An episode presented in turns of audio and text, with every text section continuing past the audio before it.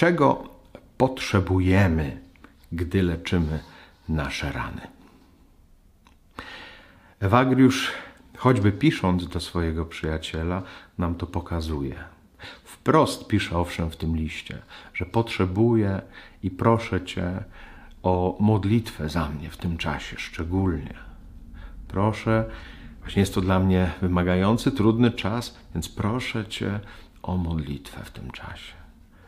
Ale e, też ważne jest, by przyjaciela poinformować, napisać choćby do niego list, w naszym wypadku maila, SMS-a, cokolwiek, żebym nie był sam. Że mimo e, tego, że się nie spotkamy fizycznie, to jesteśmy w jedności. To jesteśmy w tej e, sprawie, w tym trudnym okresie razem. Pamiętajmy o tym, żeby pisać w tych trudnych momentach do przyjaciela i żeby prosić przyjaciela o modlitwę.